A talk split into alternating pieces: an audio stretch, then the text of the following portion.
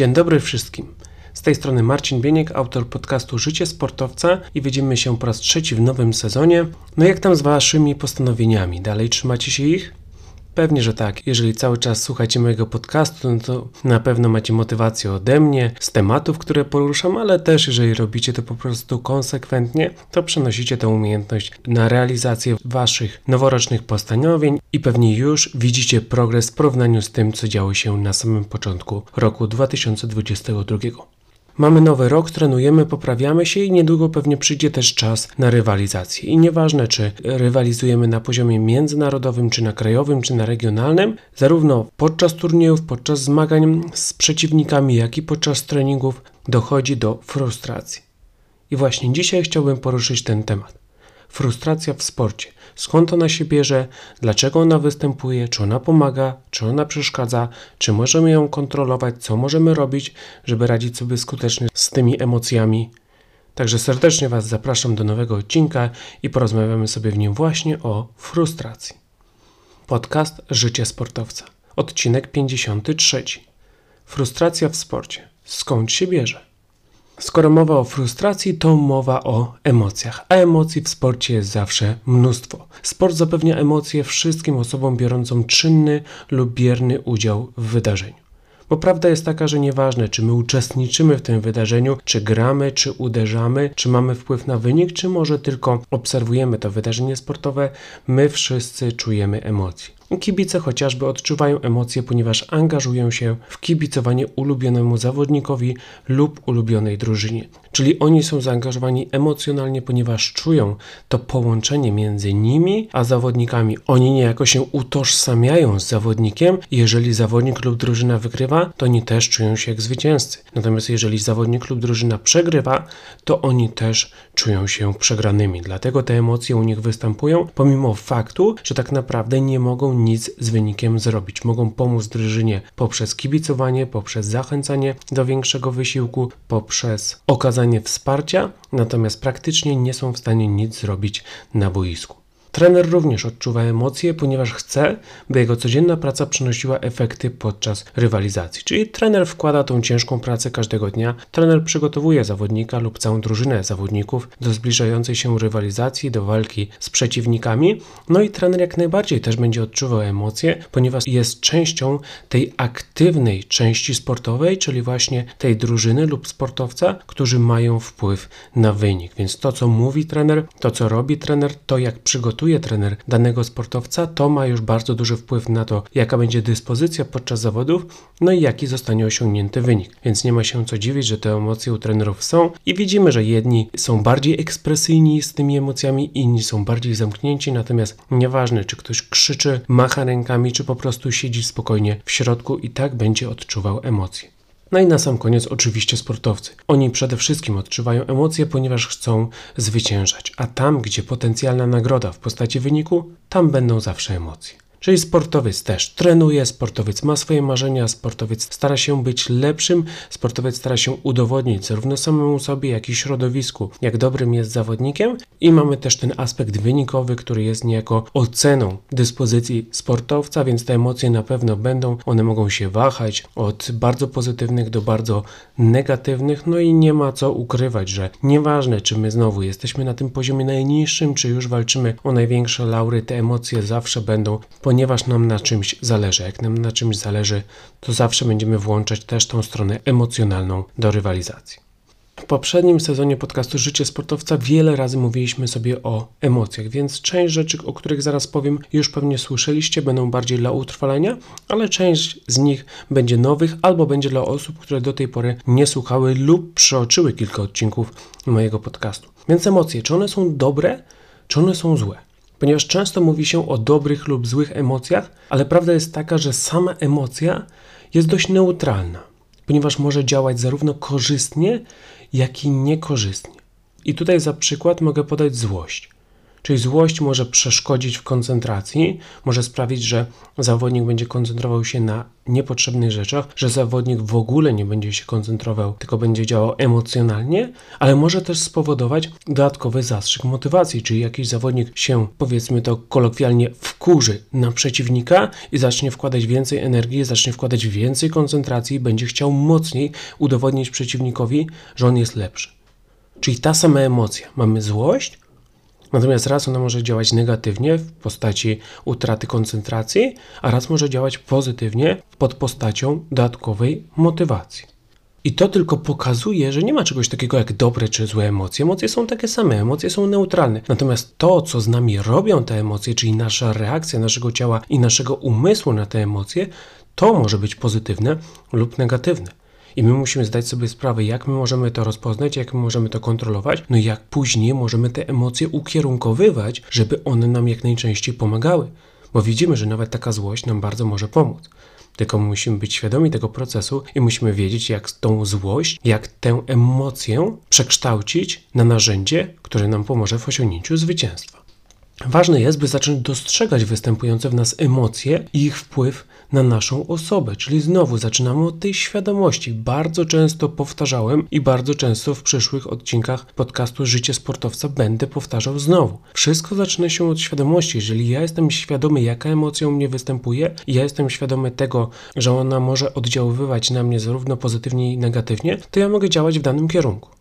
Jeżeli tej świadomości nie ma, to ja pozwalam tej emocji robić co ona chce i pozwalam moim automatyzmom działać, a niestety bardzo często te automatyzmy niekoniecznie są dobrze i korzystnie dla nas rozwinięte. Bardzo często w świecie sportu mówi się o kontrolowaniu emocji. Natomiast ja myślę, że bardziej trzeba mówić o ukierunkowywaniu emocji. Czyli jeżeli widząc, że wpływ takiej emocji jest korzystny, to my nie powinniśmy jej kontrolować tylko my powinniśmy ją ukierunkować, żeby ona nam pomagała, czyli powinniśmy z niej częściej korzystać. Natomiast z drugiej strony, jeżeli wpływ jest negatywny, no to jak najbardziej trzeba wyciszyć tę emocję, czyli znowu świadoma praca, świadome działanie. Ja nie unikam tej emocji, tylko ona występuje. To jest reakcja na jakiś bodziec, natomiast ta reakcja nie musi mieć ogromnego wpływu na to, co się ze mną stanie za minutę czy przez kolejne 10 minut. To ja decyduję poprzez świadomość, poprzez wiedzę i poprzez narzędzia, co z tą emocją zrobię i w którą stronę ją ukierunkuję. Czy ukierunkuję ją, żeby mi pomogła, czy ukierunkuję ją, żeby się wyciszyła i mi po prostu nie przeszkadzała.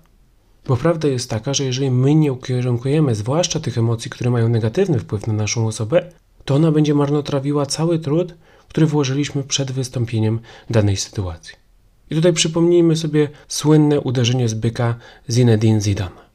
On grał naprawdę solidny mecz, włożył dużo trudu, Pomógł drużynie w wielu sytuacjach, natomiast przez to, że nie poradził sobie z emocją i jej wpływem na jego osobę, dostał czerwoną kartkę, osłabił drużynę, zmarnotrawił cały ten trud, który drużyna i on sam włożyli, no i na koniec przegrali najważniejszy mecz w turnieju.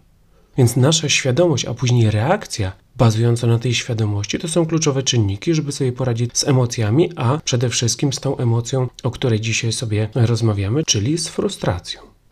Więc przejdźmy teraz już właśnie do tej konkretnej emocji, jaką jest frustracja. Przykładów frustracji można podać bardzo wiele w różnych dyscyplinach sportowych.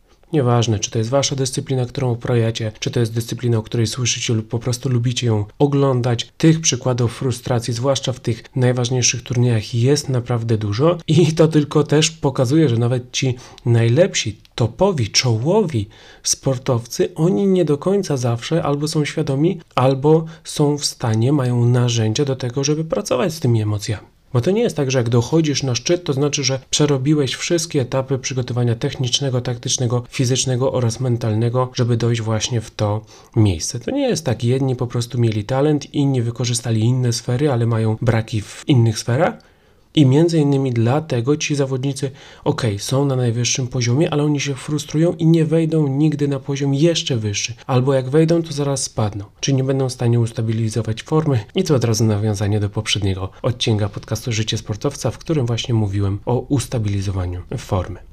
Jeżeli chodzi o same przykłady, takie konkretne przykłady frustracji w różnych sportach, no to w tenisie uderzenie piłką tenisową sędziego w oko przez Denisa Szapowalowa. To było coś e, bardzo dramatycznego. Sędzia prawie stracił wzrok, tak, miał operację kości twarzy, ponieważ zawodnik no, z całej siły chciał wybić piłkę z powodu frustracji, no ale nie kontrolował swojego ciała, nie kontrolował kierunku, w którym uderza piłkę, no i trafił sędziego siedzącego na stółku prosto w oko. Więc możecie sobie wyobrazić, oczywiście zawodnik był zdyskwalifikowany, poniósł konsekwencje, ale to nie o to chodzi. To jest tylko mecz sportowy, a tutaj sędzia mógł stracić oko.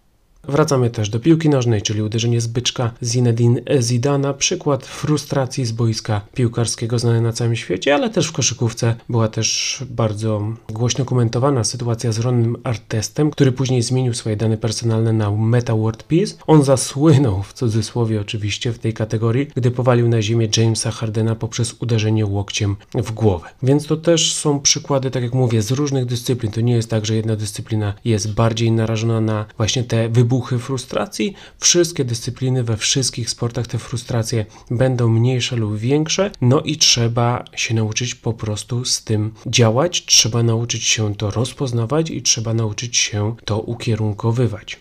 Niestety bardzo często ten chwilowy moment braku kontroli własnych emocji oraz ciała kończy się poważnymi problemami oraz utrudnieniami w kontynuowaniu kariery sportowej z sukcesami.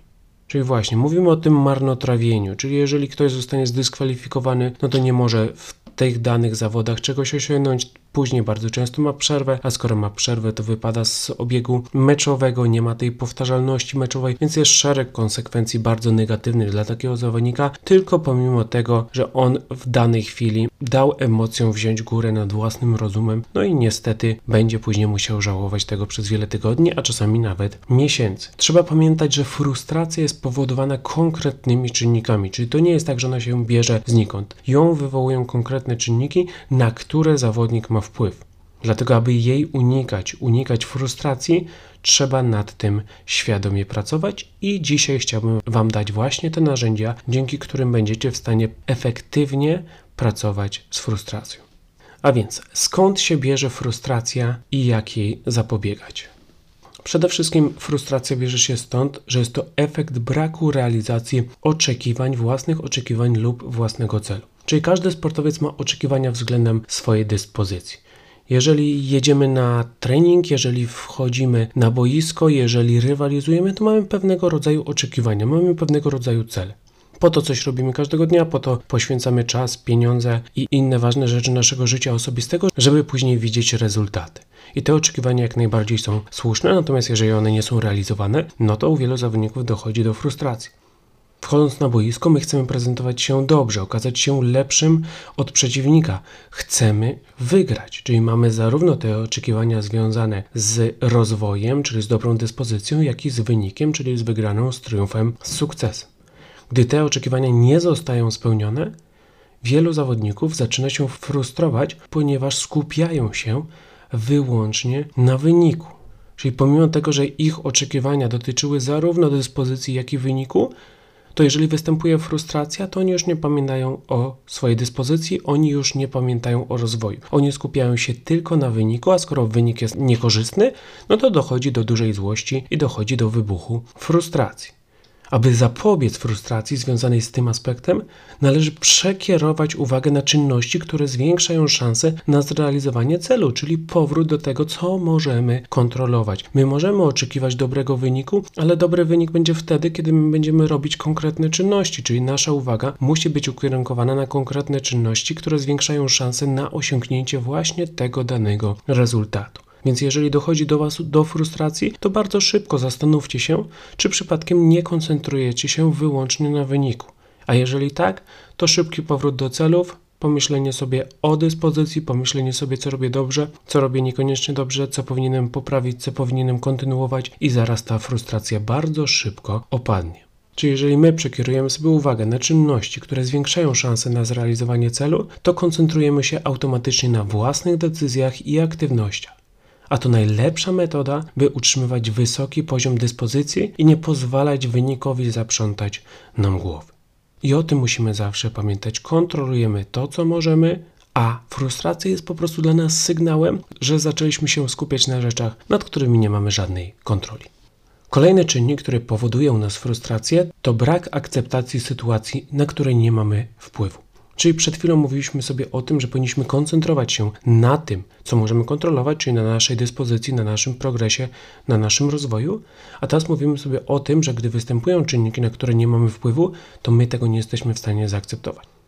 Pamiętajcie, każda rywalizacja gromadzi dwóch przeciwników. To mogą być dwie drużyny, to może być dwóch indywidualnych zawodników, ale jest tych dwóch przeciwników, którzy walczą o końcowe zwycięstwo. I w każdej rywalizacji są czynniki zależne oraz niezależne od nas. Jak już dobrze wiecie, jeżeli skupiamy się na czynnikach zależnych, to się rozwijamy, to czujemy mniej presji, to jesteśmy cały czas zmotywowani, to łatwiej nam radzić sobie z różnymi wyzwaniami, a gdy przekierujemy uwagę na czynniki, na które nie mamy wpływu, no to oczywiście czujemy się gorzej, ten progres jest wolniejszy, ten progres jest mniejszy. My, gdy odnosimy porażkę, zaczynamy wątpić w nasze umiejętności, więc jest szereg tych aspektów negatywnych związanych właśnie z koncentracją na czynnikach, na które nie mamy wpływu.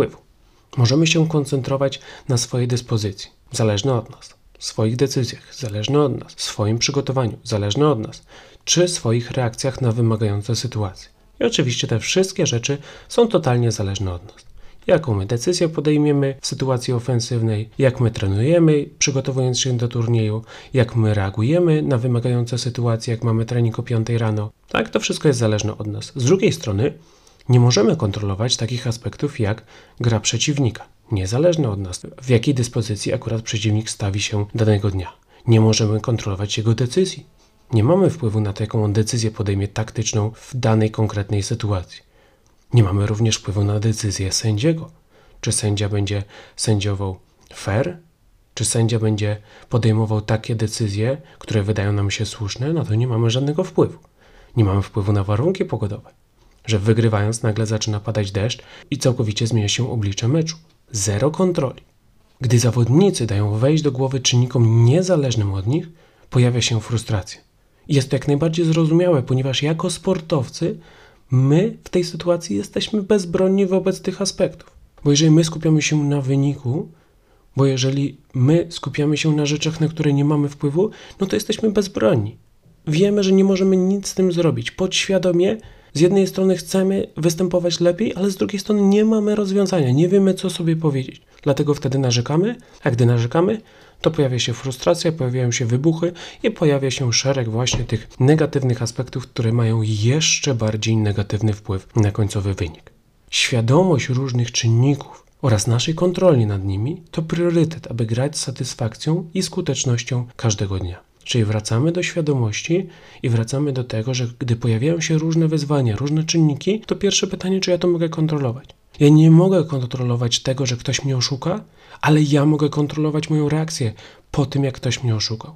Ja nie mogę kontrolować tego, że mój przeciwnik zagrał winnera w tenisie świetnym forehandem, ale ja mogę kontrolować to, że ja powiem OK, to się stało raz.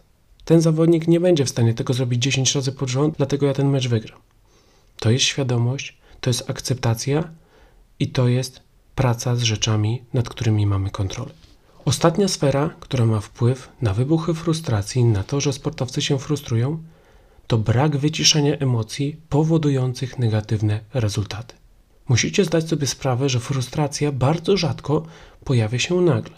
To nie jest tak, że wy gracie świetnie, że wy prezentujecie się naprawdę bardzo solidnie i nagle po jednej minucie wy się frustrujecie. To tak nie jest. Raczej jest to kumulacja wielu negatywnych emocji przez dłuższy czas. Czyli występują pewne wyzwania, występują pewne reakcje, występuje koncentracja na różnych czynnikach. Jeżeli one są niekorzystne dla Was, jeżeli robicie to nieskutecznie, nieświadomie, to wtedy kumulacja tych wielu czynników przez dłuższy czas powoduje u Was wybuch frustracji. Bo zobaczcie na przykład, że tenisiści nie rzucają rakietami w pierwszym czy drugim gemie spotkania, ponieważ jest za krótki czas i oni nie mieli wystarczająco dużo czynników negatywnych, które by miały spowodować tą frustrację. W piłce nożnej tak zwane hamskie faule, bardzo niebezpieczne dla zdrowia, powiedzmy wślizg wyprostowaną nogą na piszczel przeciwnika lub wślizg od tyłu w achilles przeciwnika, takie zagrania bardzo rzadko występują w pierwszych 20 minutach meczu. One bardzo często występują w 70, 80 czy 90 minucie, zwłaszcza gdy wynik jest bardzo wysoki i niekorzystny dla sportowca. Czyli drużyna powiedzmy przegrywa 6-0, minuta 80, wiadomo, że nie ma już szans na wyrównanie spotkania, wtedy dochodzi do frustracji, która się akumulowała, która narastała z minuty na minutę, z bramki na bramkę i w pewnym momencie ze względu na brak reakcji na te wszystkie czynniki dochodzi do kulminacji, już jest tego za dużo i dochodzi do frustracji. Zrozumienie procesu powstawania frustracji pozwala dojść do wniosku, że trzeba ten proces zahamować w początkowym stadium, by nie doszło do kulminacji, jakim jest właśnie frustracja. Gdy zaczynają się pojawiać pierwsze negatywne myśli, a ciśnienie się podnosi, trzeba działać. Czyli to nie jest tak, że my chcemy działać wtedy, jak już kipimy z nerwów, jak już nie możemy wytrzymać, jak jedyne co myślimy, to co zrobić złego przeciwnikowi. Wtedy już jest za późno. Wtedy musimy jakoś wyładować te emocje. I wtedy chyba tylko guru psychologii będzie w stanie sobie poradzić tak, żeby nie przynieść sobie negatywnych konsekwencji. Natomiast gdy zaczynają pojawiać, czyli te pierwsze sygnały, ja zaczynam się lekko denerwować, ja zaczynam się lekko irytować, ja zaczynam skupiać uwagę na rzeczach, na które nie skupiałem uwagi przez pierwsze 10 czy 15 minut wydarzenia sportowego, to wtedy jest czas, żeby działać, wtedy jest czas, żeby reagować i żeby zahamować ten proces, który, jeżeli nie zostanie zastopowany, doprowadzi w przyszłości do frustracji.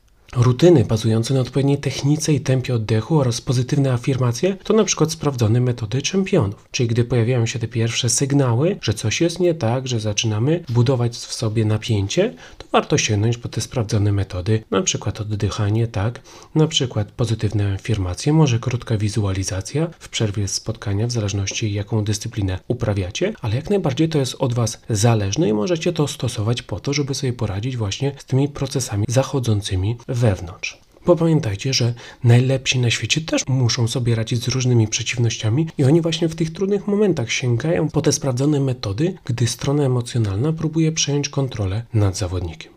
Bo tylko zawodnik świadomy i tylko zawodnik działający logicznie będzie w stanie sięgać po te największe laury. A zawodnik działający emocjonalnie, ok, może od czasu do czasu uda mu się osiągnąć jakiś spektakularny wynik, ale nigdy nie zostanie na topie, ponieważ nie da się działać na emocjach i wygrywać.